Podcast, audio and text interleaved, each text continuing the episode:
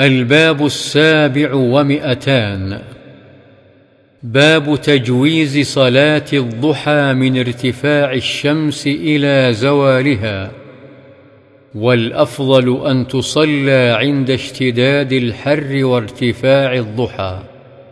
عن زيد بن أرقم رضي الله عنه أنه رأى قوما يصلون من الضحى فقال اما لقد علموا ان الصلاه في غير هذه الساعة افضل ان رسول الله صلى الله عليه وسلم قال صلاه الاوابين حين ترمض الفصال رواه مسلم ترمض بفتح التاء والميم وبالضاد المعجمة يعني شدة الحر والفصال جمع فصيل وهو الصغير من الإبل.